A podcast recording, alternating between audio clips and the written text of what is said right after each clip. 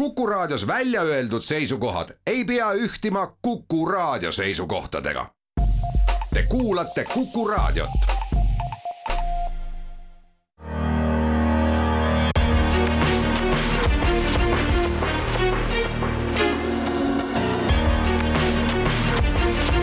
välismääraja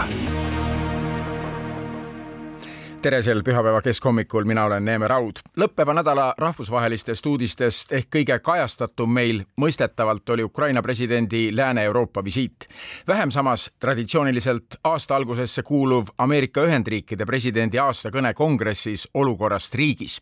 kui president Bideni kõnet vaadata eelviitena sellele, millised saavad olema USA-s nüüd juba pooleteise aasta pärast toimuvate presidendivalimiste peateemad, siis välispoliitikast ei saa nende üht keskset teemat, märgib analüüsis ajakiri Foreign Policy. kuigi välispoliitilised teemad on teravad, on ameeriklaste huviorbiidis siiski kodus toimuv. USA presidendi rõhuasetused seitsmekümne kahe minutilises esinemises olid selgelt siseriiklikud, mitte globaalasjad, nenditi ajakiri analüüsis. selge eesmärk oli sidustuda USA USA enda valijate hetke mureteemadega, mis on nagu alati esmalt ikkagi kodused. huvitav, et kõne teisipäeva õhtul kongressi kodade ühisistungil oli vaid mõni päev pärast seda, kui Biden andis käsu Hiina luure õhuseadeldise allatulistamiseks, kuid Hiinast lähtuvast strateegilisest ohust ta oma kõnes ka peaaegu ei rääkinudki. esmakordselt mainis ta Hiinat ligi tund aega pärast kõne algust. Ukraina sõja ajal peatus Biden üsna lühidalt kõne lõpuosas, rõhutades küll, et NATO on USA juhtimisel saanud uue hingamise vastusena Vene presidendi Vladimir Putini sõjale Ukrainas. kuulame president Bideni Ukraina teemal öeldut siinkohal. Putin's invasion has been a test for the ages, test for America, test for the world Putini invasioon on test üle aegade, test Ameerikale, test maailmale. kas me seisame kõige põhimõttelisemate printsiipide eest, kas seisame suveräänsuse eest, kas seisame inimeste õiguste eest elada vabalt, türanniata. kas me seisame demokraatia kaitsel? selline kaitse on meie jaoks tähtis, kuna see kaitseb rahu ja takistab võimalikel agressoritel ohustada ka meie julgeolekut ja jõukust, ütles USA president aasta pärast Vene presidendi sõja algust teate te vastust, jätkas ta. jah, me seisame nende põhimõtete eest, oleme seda teinud, üheskoos oleme seda teinud, mida teeb Ameerika alati parimalt. me juhtisime, me ühendasime NATO ja rajasime globaalse koalitsiooni. president Biden pöördus kõnetoolist ka Kapitooliumi saalis viibinud Ukraina suursaadiku poole, öeldes, et Ameerika on koos tema riigiga nii kaua kui vaja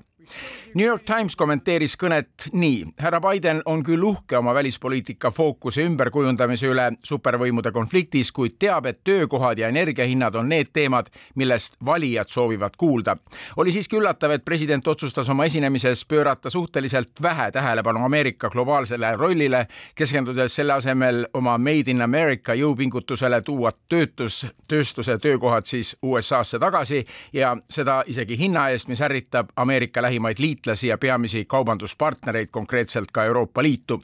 nii et kuigi Bidenil oli välis- ja julgeolekupoliitika vallas palju, mille üle uhkelt rääkida, on ju praegu nähtav lääne liitluse tugevus esmakordne sellisel kujul alates lahesõjast ja Biden suutis isegi veenda esmalt kahtlevat Saksamaad loobuma Nord Stream kaks gaasitrassist. see oli üks näide, mille New York Times Bideni välispoliitika tõhususest tõi, oli ajalehe sõnul tal ikkagi kõnet pidades meeles George Bush vanema näide, et Ameerika valijatele välispoliitilised saavutused sageli muljet ei avalda. Bush mäletatavasti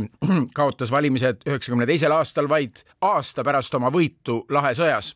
osa Bideni nõustajaid kardabki New York Timesi andmeil, et ajalugu võib korduda ja leiab, et kütuse ja munade hind mõjutab valijaid rohkem kui Venemaa ja Hiina ohjeldamine ja et fentanüül tapab aastas üle seitsmekümne tuhande ameeriklase, mida Biden kõnes rõhutas, on ameeriklaste jaoks tähtsam kui Ukraina toetamine. samas, tõsi, kirjutas New York Times oma kõnede järgses faktide kontrollis, et väide, me ühendasime NATO, me rajasime globaalse koalitsiooni, peab igati paika. Bideni administratsioon administratsioon suutis teha ja üllatada ka Ameerika oma enda eksperte, kes esialgu Ukraina sõja puhkemise järel arvasid, et USA Euroopa liitlased hakkavad omavahel vaidlema, kuidas edasi talitada ja kaotavad oma esialgse otsusekindluse, kuid Bideni administratsiooni juhtimisel see otsusekindlus säilitati.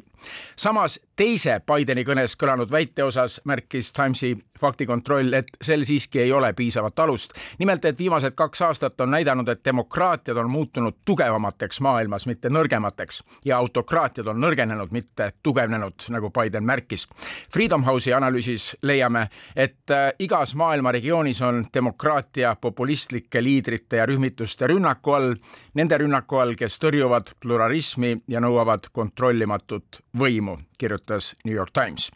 Need mõtted täna USA teemal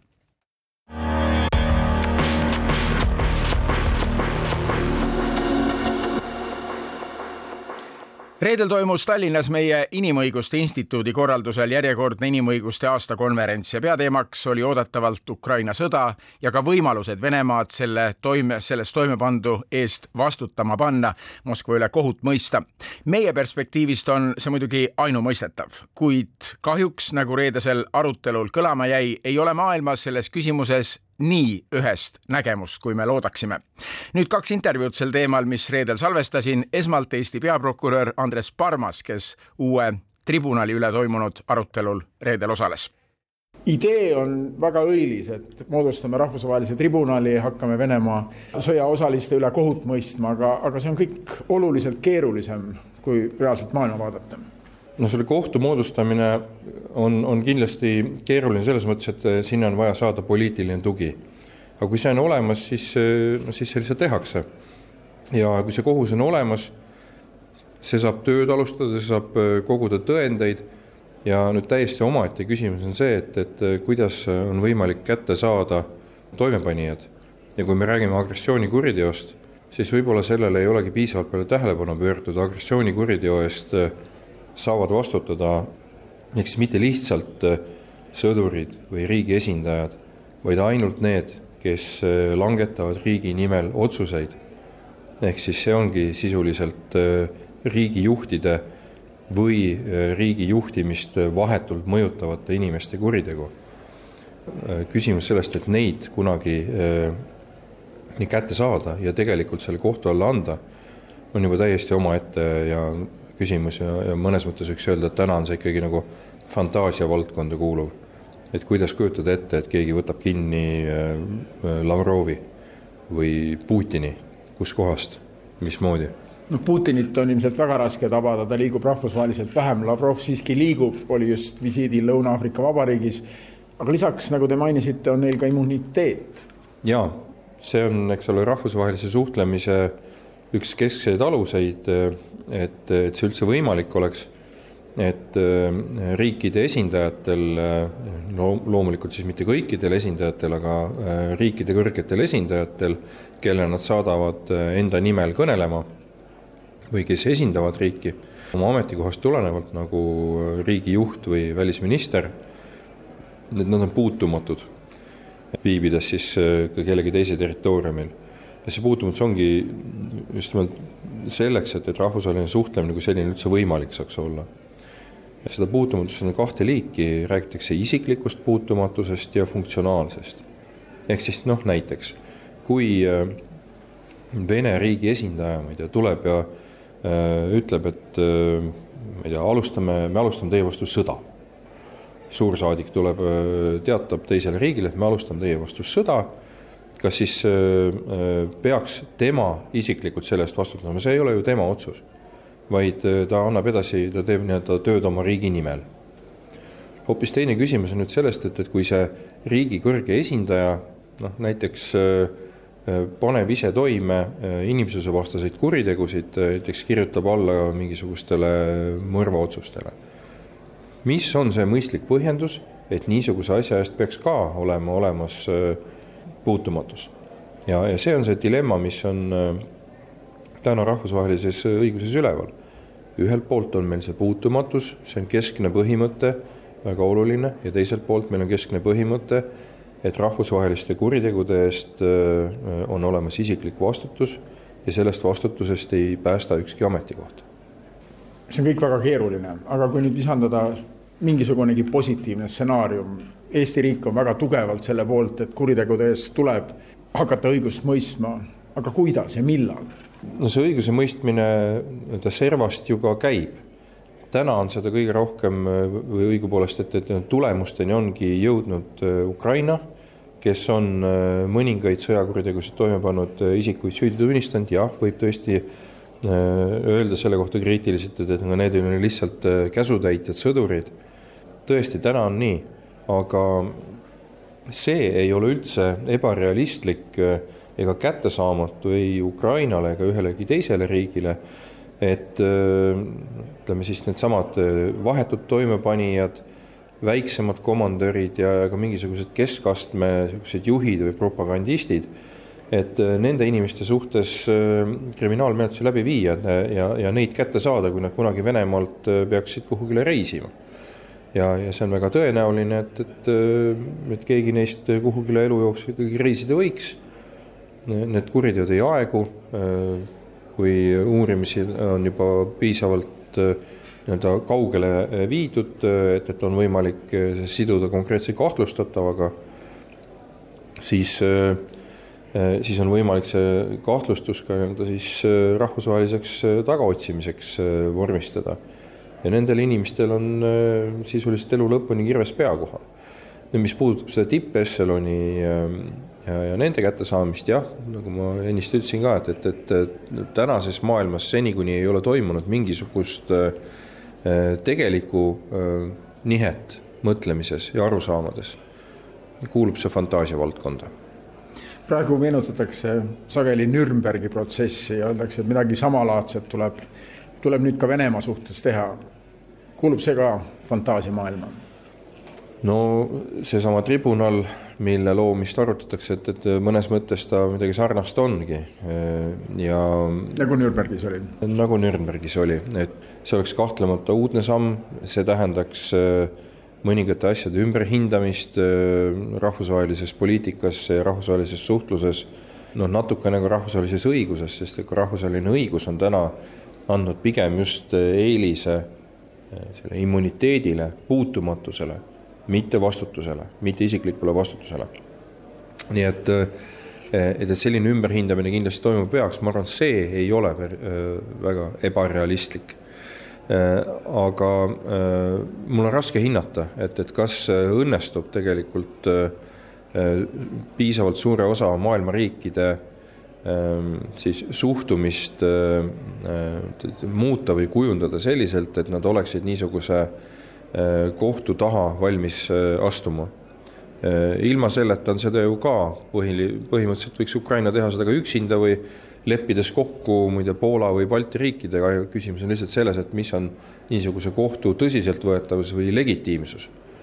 et kui seal on piisavalt palju maailma riike taga, siis isegi hoolimata sellest, et see rahvusvahelise õiguse süsteem on täna loodud nii, et, et, et on võimatu sellele nagu öelda, et see, et, et niisugune kohus oleks midagi seaduslikku. Ehm, et, et kui seal on piisavalt paljude riikide seisukoht äh, ja, ja poolehoid äh, taga, siis äh, mõnes mõttes see lihtsalt kujundabki uut õigust, uut maailma, uut paradigmat. selle peale ma arvan, noh, mitte ainult, et me peaks seda lootma et selle nimel tuleb meil tööd teha. meil tuleb veenda oma läänepartnereid, meil tuleb koos oma läänepartneritega kõvasti peeglisse vaatamist teha ja meil tuleb veenda äh, suurt osa ülejäänud maailmast, kelle jaoks äh, need küsimused äh, paistavad natuke teistmoodi kui meile läänemaailmas. ilmselt see otsus, kui tribunal nüüd moodustatakse, peaks tulema siis ÜRO Peaassambleelt, sest kui vaadata ÜRO-d, Maailma Organisatsiooni Julgeolekunõukogu, see siduvate otsustega kogu ilmselt midagi otsustada ei suuda, kuna Venemaal on seal vetoõigus ja sealt mingit otsust ei tule, aga Peaassamblee, kus siis kõigil riikidel on üks hääl, siduvat otsust ei ole, aga see näitaks siis maailma tahet. Täpselt, äh, täpselt nii see on, et, et see on see koht, kus äh, võiks olla võimalik äh, muudatust teha kaks terminit äkki seletate ära või kaks sõna, mis on tulnud selle Ukraina teema ja kohtumõistmisega päevakorda, hübriidkohus, mida see endast kujutaks? Ehm, noh, hübriidkohus muuhulgas võibki olla seesama, mida, äh, mida näiteks äh, ÜRO Peaassambleel, äh, mida hääletatakse või otsustatakse, mida see lühidalt tähendab, on see, et, et seal on olemas nii riigisisene element, ehk siis kui me räägime täna Ukrainast, et siis seal on olemas Ukraina enda kohtunikud, Ukraina enda uurijad, Ukraina enda riigi panus ja võimalik ka näiteks mingisuguses osas Ukraina enda õigus, mida rakendatakse, noh agressioonikuriteo puhul siis pigem mitte. ja, ja teiselt poolt tuleks sinna juurde siis see rahvusvaheline pool mis siis annaks nagu teatud äh, legitiimsust juurde. näiteks, et on rahvusvahelised kohtunikud äh, lisaks Ukraina omadele. Äh, ja, ja mõte oleks siis see, et, et noh, kuna see on loodud ÜRO Peaassamblee hääletusel ja paljud riigid on, on selle poolt hääletanud ja kuna selle kohtunikud on suures osas või mingis osas rahvusvahelised kohtunikud ja kuna selle kohtu põhikiri või selle töötamise reeglid on kokku lepitud niisugusel tasemel, et siis sellel on lihtsalt suurem usaldusväärsus, suurem tõeväärtus, et ta on neutraalsem, kui oleks ainult riigi enda sisene õigusemõistmine. ja rahvusvahelise kriminaalkohtu roll praeguses Ukraina kuritegude tõendmaterjali talletamises, samas me teame, et ei Venemaa ega Ukraina ei ole kriminaalkohtu liikmed ja kriminaalkohus samal ajal tegeleb selle küsimusega. mis mandaat sel kohtul on? Rahvusvahelise kriminaalkohtu taga seisab sada kakskümmend kolm riiki täna, kes on siis selle kohtu osalised ja muuhulgas äh, nii Ameerika Ühendriigid kui ka Venemaa kirjutasid kunagi äh, Rooma statuudile, mille alusel see kohus loodi, kirjutasid selle statuudile alla. aga mõlemad need riigid on oma allkirja tagasi võtnud ja, ja teatanud, et nemad ei soovi selle kohtuga siiski midagi pistmist teha. Ukraina alla kirjutanud äh, ei ole, ratifitseerinud ei ole seda lepingut. Aga Rooma statuut näeb ette seda, et, et riik, kes ei ole osaline, võib teha ühepoolse siis deklaratsiooni või avalduse, et ta tunnustab siis mingisuguses situatsioonis või mingisuguse niisuguse olukorra jaoks kohtu pädevust. Ja Ukraina on seda teinud, tegi seda pärast Maidani ja tegi seda äh, veel kahe tuhande viieteistkümnendal aastal ka pärast seda, kui äh, olid siis tõsiselt eskaleerunud sõjasündmused äh, Donbassis peale Krimmi annekteerimist. nii et sellest tulenevalt Ukraina on ise aktsepteerinud, et kohtul on pädevus ja kuna neid tegusid Venemaa on toime pannud Ukraina territooriumil siis äh, selle kohtu pädevus äh, on sõnastatud äh, Rooma statuudis niisugusel viisil, et et kohtul on pädevus siis liikmesriigi territooriumil või siis sellise deklaratsiooni teinud riigi territooriumil või tema kodanike poolt toime pandud kuritegude suhtes. nii et, et kohtul on pädevus nii Ukraina territooriumil kui Ukraina kodanike poolt toime pandud tegude suhtes ja äh, kui Vene kodanikud äh, muidu sellele kohtule ei alluks, aga kui nad on nüüd rahvusvahelisi kuritegusid äh, sooritanud Ukrainas või kui need teod on ka Moskvast plaanitud ja Moskvast käsud antud, aga nad tagajärjed toimuvad Ukrainas, siis kohtul on see pädevus olemas. mis on selle kohtu puhul eripära, on see, et, et see on ju tegelikult on see väike asutus, seal on kaheksateist kohtunikku, seal on üks prokurör, okei okay,, tal on oma ametkond, tal on seal oma kohtu, kohtujuristid ja, ja oma, oma uurijad, see kohus saab tegeleda ja, ja tegelebki ainult kõige suuremate, kõige mastaapsemate kuritegudega. Ukrainas on toime pandud kümneid tuhandeid kuritegusid selle sõja kestel. Nende kõigiga see kohus kunagi tegelema ei hakka ja, ja sinna tuleb sellega peab eeskätt hakkama saama siis Ukraina ise äh, ja teised maailma riigid. Põhimõtteliselt teoreetiliselt võib ju ka ette kujutada, et luuakse veel mingisugune eraldi tribunal, aga ma pigem arvan, et selleks ei ole vajadust. ja Eesti roll Ukraina sõjakuritegude kohta tõendmaterjalide kogumisel, Eesti osaleb ju ka selles protsessis aktiivselt, te ise olete korduvalt käinud Ukrainas. Tõsi, Eesti ja, ja veel nii mõnigi riik on ühinenud sellise ühise uurimisrühmaga selleks, et, et koguda ja talletada andmeid Ukrainas toimunud kuritegude kohta ja kui sealt peaks välja tulema midagi, et noh, näiteks, et mõni toimepanija on siin Eestisse sattunud, et, et siis ka äh, meil oleks võimalik Eestis see inimene süüdi mõista. ühine uurimisrühm, mis ta eeskätt ta, tagab või mis võimalusi annab, annab võimaluse kasutada vahetult tõendeid, mis on teistes riikides siis korjatud ka enda riigi menetlustes, parema infovahetuse ja nii edasi. Ja see infovahetus ja tõendite vahetatavus on praegu väga oluline, arvestades seda, kui suur hulk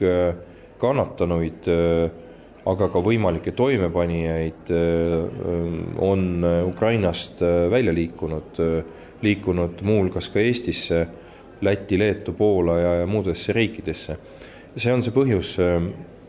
miks, miks on mõttekas ja mõistlik Eestil selle uurimisrühma osaline olla. et, et nende mitmekümne tuhande inimese puhul, nende käest siis kogutud tõendeid oleks võimalik operatiivselt omavahel võrrelda, vahetada ja kasutada. ja, ja olla valmis selleks, et, et kui näiteks peaks Eestisse sattuma ka mõni toimepanija, mis ei ole ju sugugi ebareaalne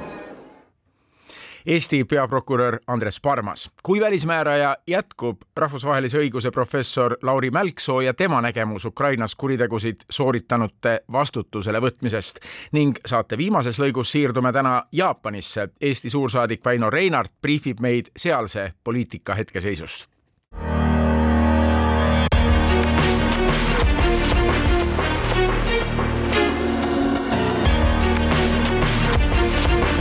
välismääraja.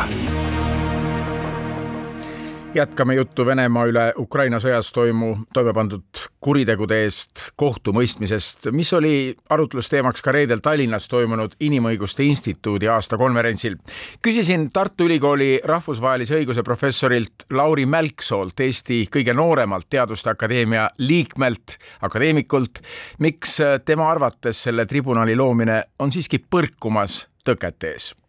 tribunali loomine on selles mõttes keerukas, et, et alati seda, sedasorti asju hakkavad vaatama juristid ja juristid alati peavad küsima seda, et et mis on mingisuguse sammu alus rahvusvahelises õiguses, siis seda alust tuleb nagu otsida ja ja rahvusvahelise õiguse al-, algprintsiibiks, vaatamata sellele üleilmastumisele, vaatamata kõigile rahvusvahelistele organisatsioonidele, mis on loodud, on mõnes mõttes endiselt suveräänsus, ehk siis tegelikult otsitakse seda riikide endi nõusolekut, sest sellest suveräänsusest tuleneb see, et et nii-öelda noh, ei ole mingisugust riikidest kõrgemat võimu, ehk siis kas või seesama Ühinenud Rahvaste Organisatsioon, noh, oma algushetkel ta on sisuliselt riikidevaheline kokkulepe ja, ja väga palju nendest debattidest, et kas eh, noh, agressiooni eest saab karistada agressiooni toimepanijaid, tegelikult puudutabki ringiga tagasi neid samu debatte, mida peeti tuhat üheksasada nelikümmend viis, et kui, kui maailmakorda luuakse, siis mis eh, noh, mis mis seisus ta on, kes, kes saab otsustusõiguse. Ja, ja siin on, siin on kahte sorti pinget, sellesama, mis puudutab seda tribunali loomist, üks pinge on suurriikide ja väikede riikide vahel, ehk siis võib-olla ka keskmise suurusega riikide vahel, ehk siis tegelikult, ja see ei puuduta ainult Venemaad, et et ka teised Julgeolekunõukogu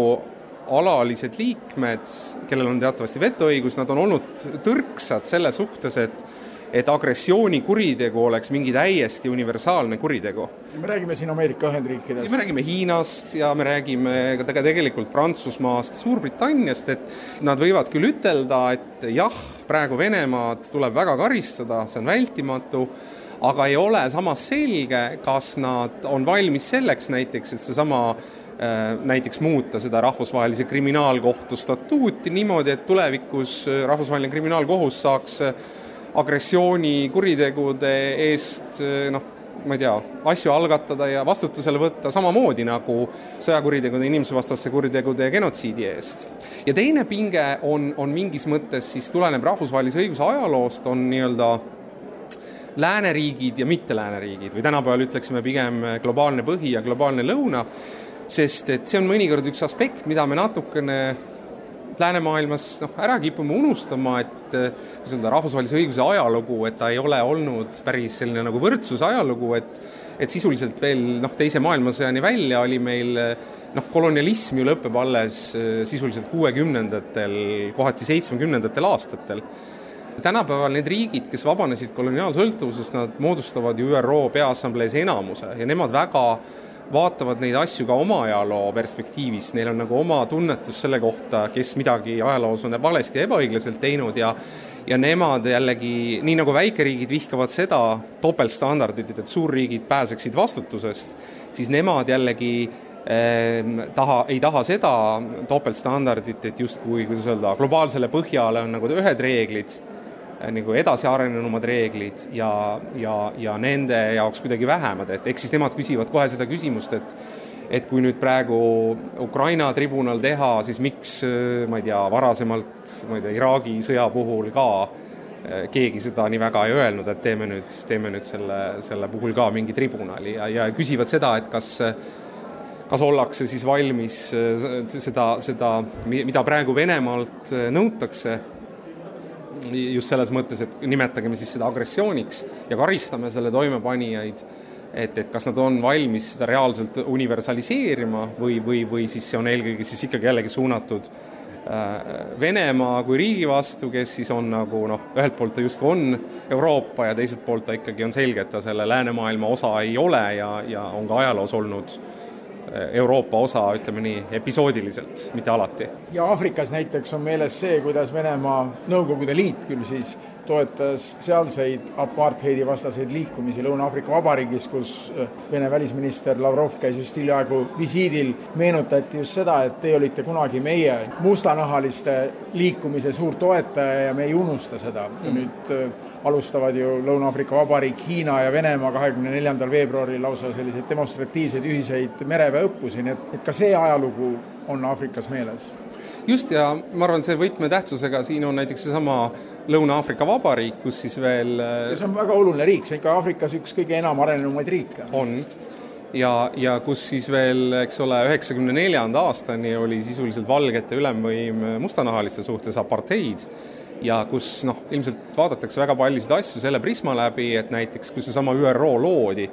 siis ju tegelikult Suurbritannia rääkis seda ÜRO-d noh, niimoodi läbi, et, et ne-, tema diplomaadid leidsid, et nüüd, kui Suurbritannia oli Teise maailmasõja võitnud, siis nende koloniaalriik jääb alles. et tegelikult üks huvitavaid aspekte Teise maailmasõja lõpus ongi noh, vaidlused äh, Roosevelti ja, ja siis äh, Churchilli vahel selles osas, et ameeriklased juba ütlevad brittidele, et kuulge, teil lõpeb see asi ka nüüd ära,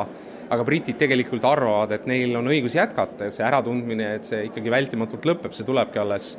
noh, viiekümnendate teises pooles ja, ja, ja kuuekümnendatel. Ja ja, ja mõnedes nendesamades Briti mõjuga asumaades on siis eh, veel eriti see selline noh, raske on nii-öelda tunnustada seda rassilist võrdsust ja neid, neid, neid põhimõtteid ja sellepärast eh, selle, see, ma, ma arvan, osaliselt seletab seda äh, Lõuna-Aafrika Vabariigi hoiakut, seesama, mille, mida Bismarck sõnastas nii, et minu, minu vaenlase vaenlane on minu sõber ehk siis, ehk siis ma arvan, lihtsalt nende umbusk äh, brittide ja selles mõttes eurooplaste suhtes on selline, et et siis Venemaa muutub juba sõbraks. kas see Ukraina konflikt võib mingil määral siiski ka rahvusvahelist õigust iseennast muuta või selle tõlgendamist muuta, sest me siit perspektiivist vaatame, see on meie eluaja suurim sõda, aga sa rääkisid siin ka konverentsil, et ka rahvusvahelises õiguses ja selle tõlgendamises on võib-olla vaja nüüd kahekümne esimesel sajandil midagi muuta? ma arvan, et see see mõnes mõttes see vajadus sellest niimoodi mõelda, et midagi eh, peaks nüüd ikkagi ka muutuma ja edasi arenema, see on ju ilmselge, sest et kõik need eh, sellised kitsaskohad ja Achilleuse kannad on meile praegu nii-öelda puust ja punaseks ette tehtud. et me oleme küll rääkinud aastakümneid rahvusvahelisest kriminaalõigusest, aga kui ja noh, toimub mingi tä täiesti ilmselge agressioon ja kui ütleme niimoodi, et õiguse vastus on see, et tegelikult midagi teha ei saagi,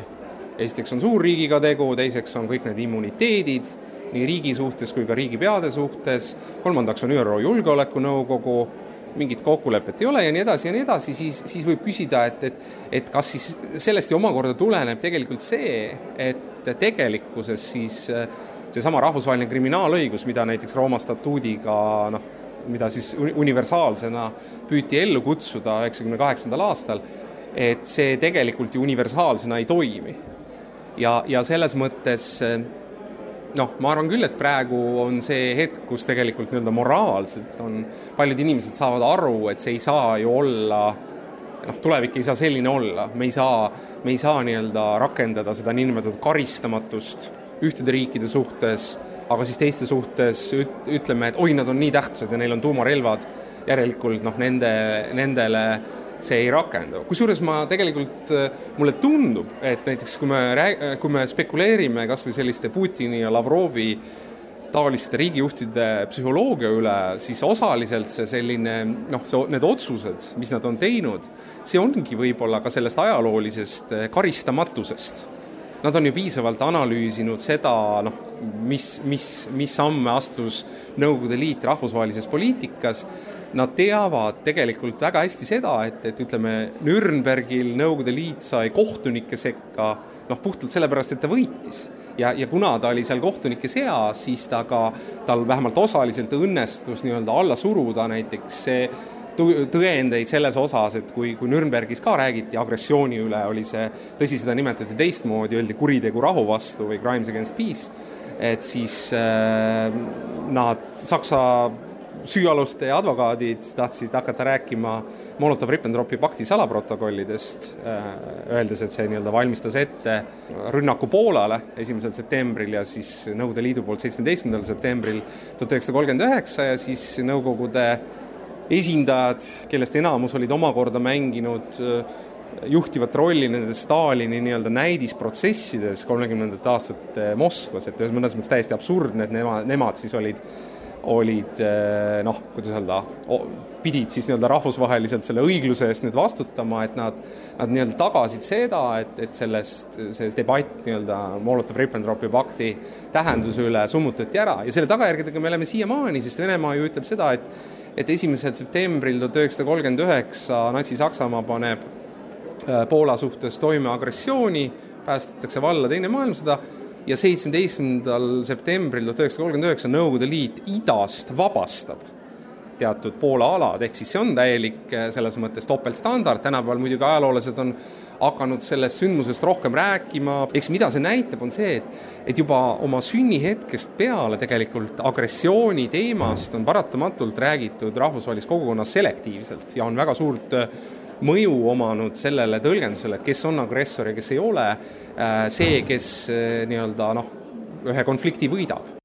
Lauri Mälksoo, rahvusvahelise õiguse professor ja hetke pärast siirdume jutuga Jaapanisse, kust just sel nädalal saabusin ning minu Tokyos salvestatud intervjuu Eesti suursaadiku Väino Reinartiga.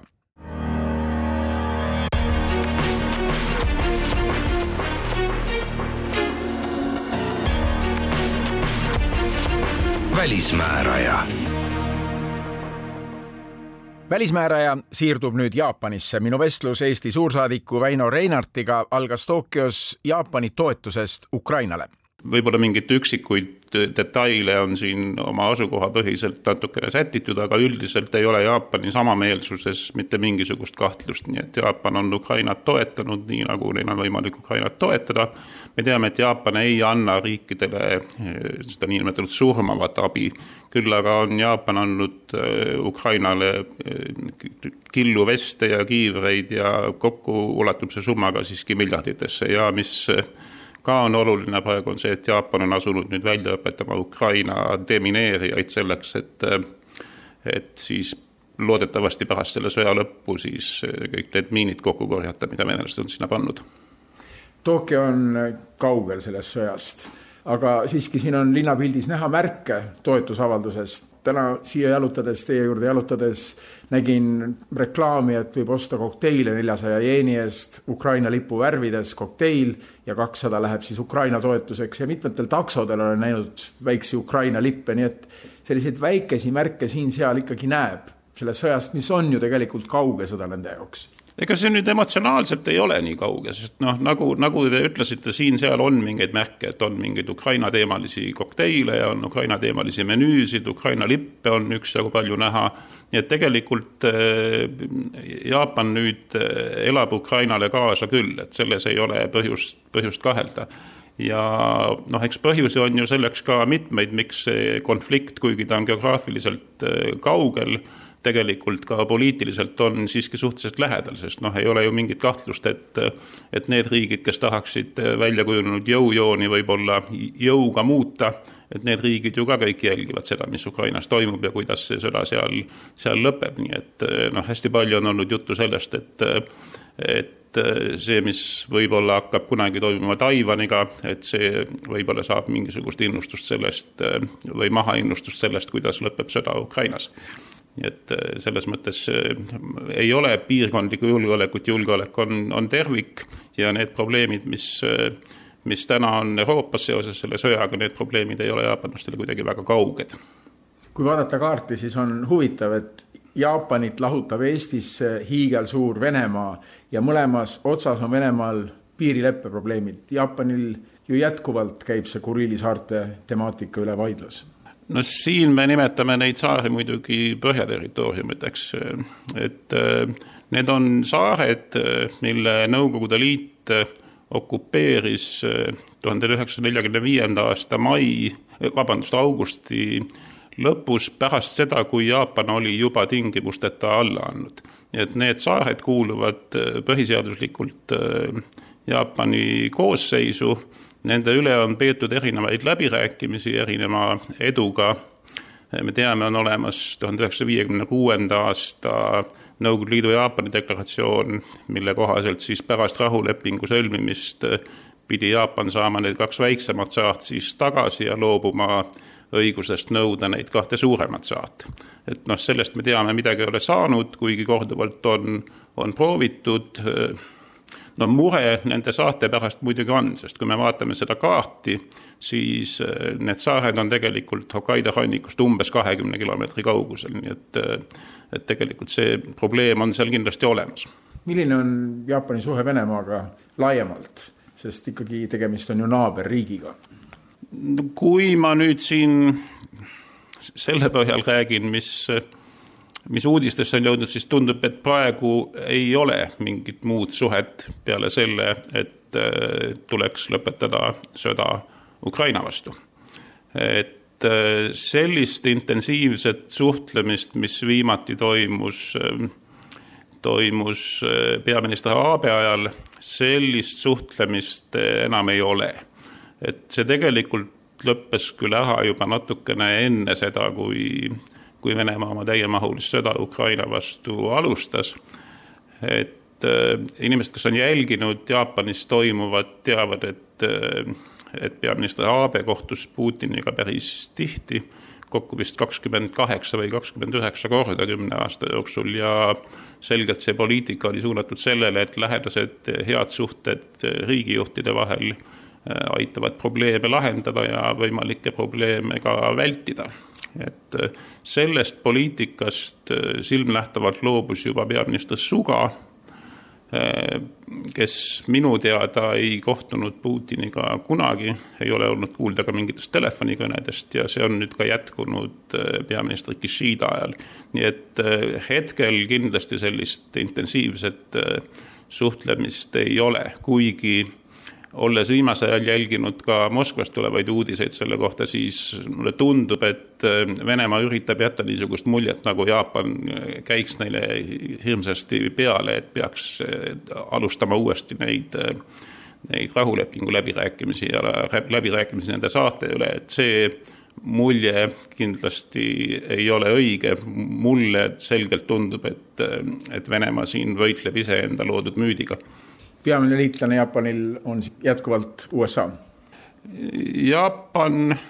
on jah nimetanud äh, poliitilist ja sõjalist suhet USA-ga eksistentsiaalseks äh, suhteks ja ja ma julgen kindlasti ka väita, et Ameerika Ühendriikidele on see vast kõige olulisem poliitiline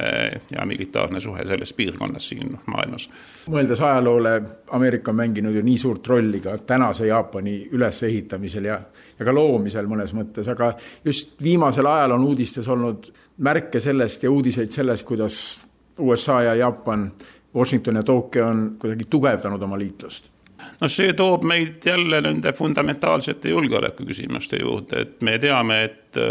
et Ameerika Ühendriikide suhted Hiinaga on päris pingelised, me teame, et suhted on pingelised selle pärast, mis toimub seoses Taiwaniga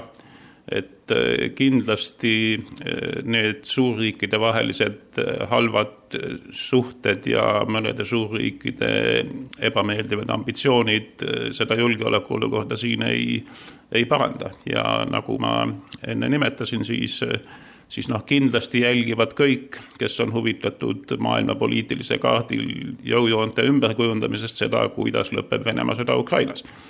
et sellel kindlasti on niisugused siirded ka sellele, et kuidas erinevates pealinnades käib mõtlemine seoses sellega, mis toimub eh, Taiwaniga ja Taiwani ümber, nii et eh, peale selle noh, Jaapanil on ka omad eh, ajaloolised probleemid Hiinaga vahetult sõltumata Taiwanist, noh, teame siin Senkaku saarte ümber käib mingi jagelemine viimased kümme aastat päris intensiivselt,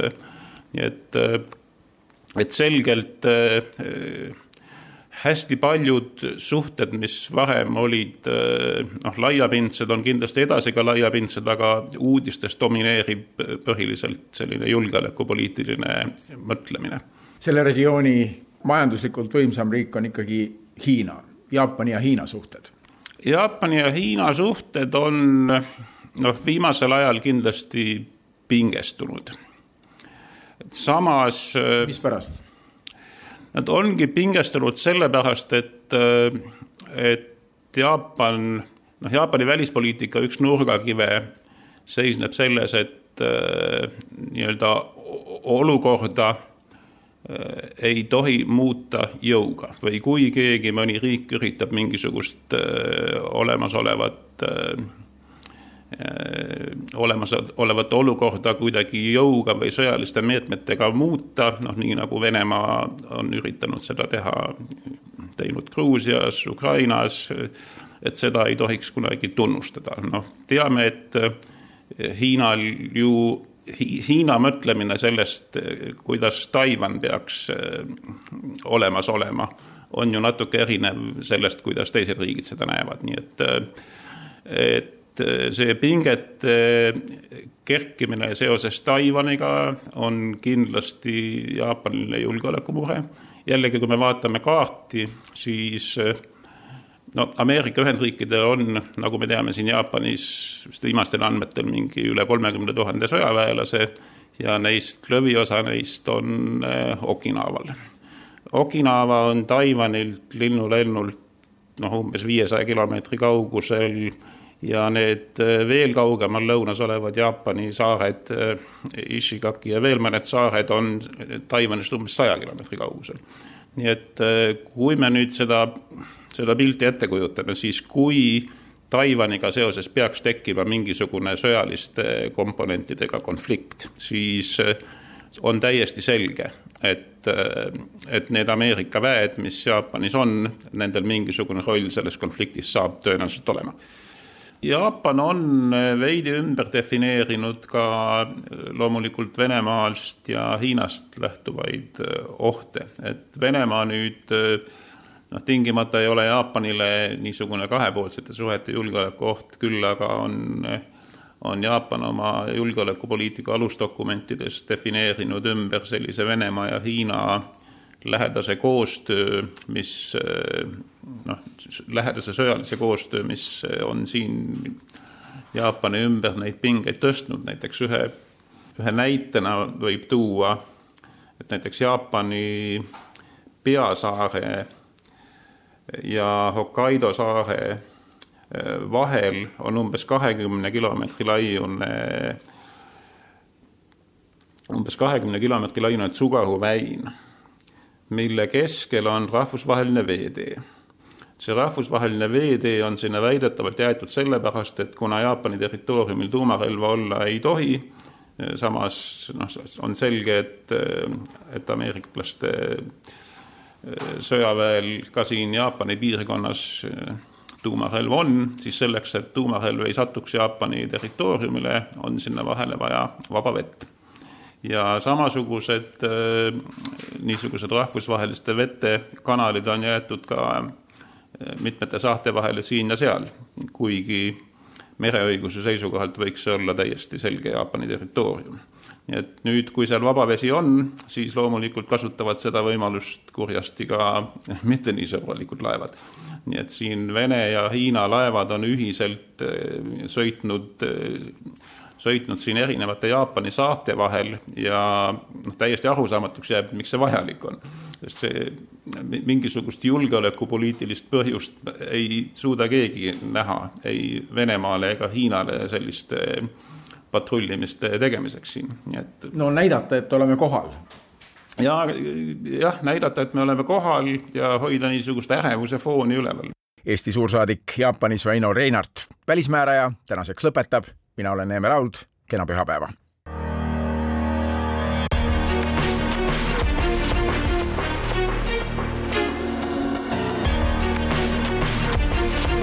välismääraja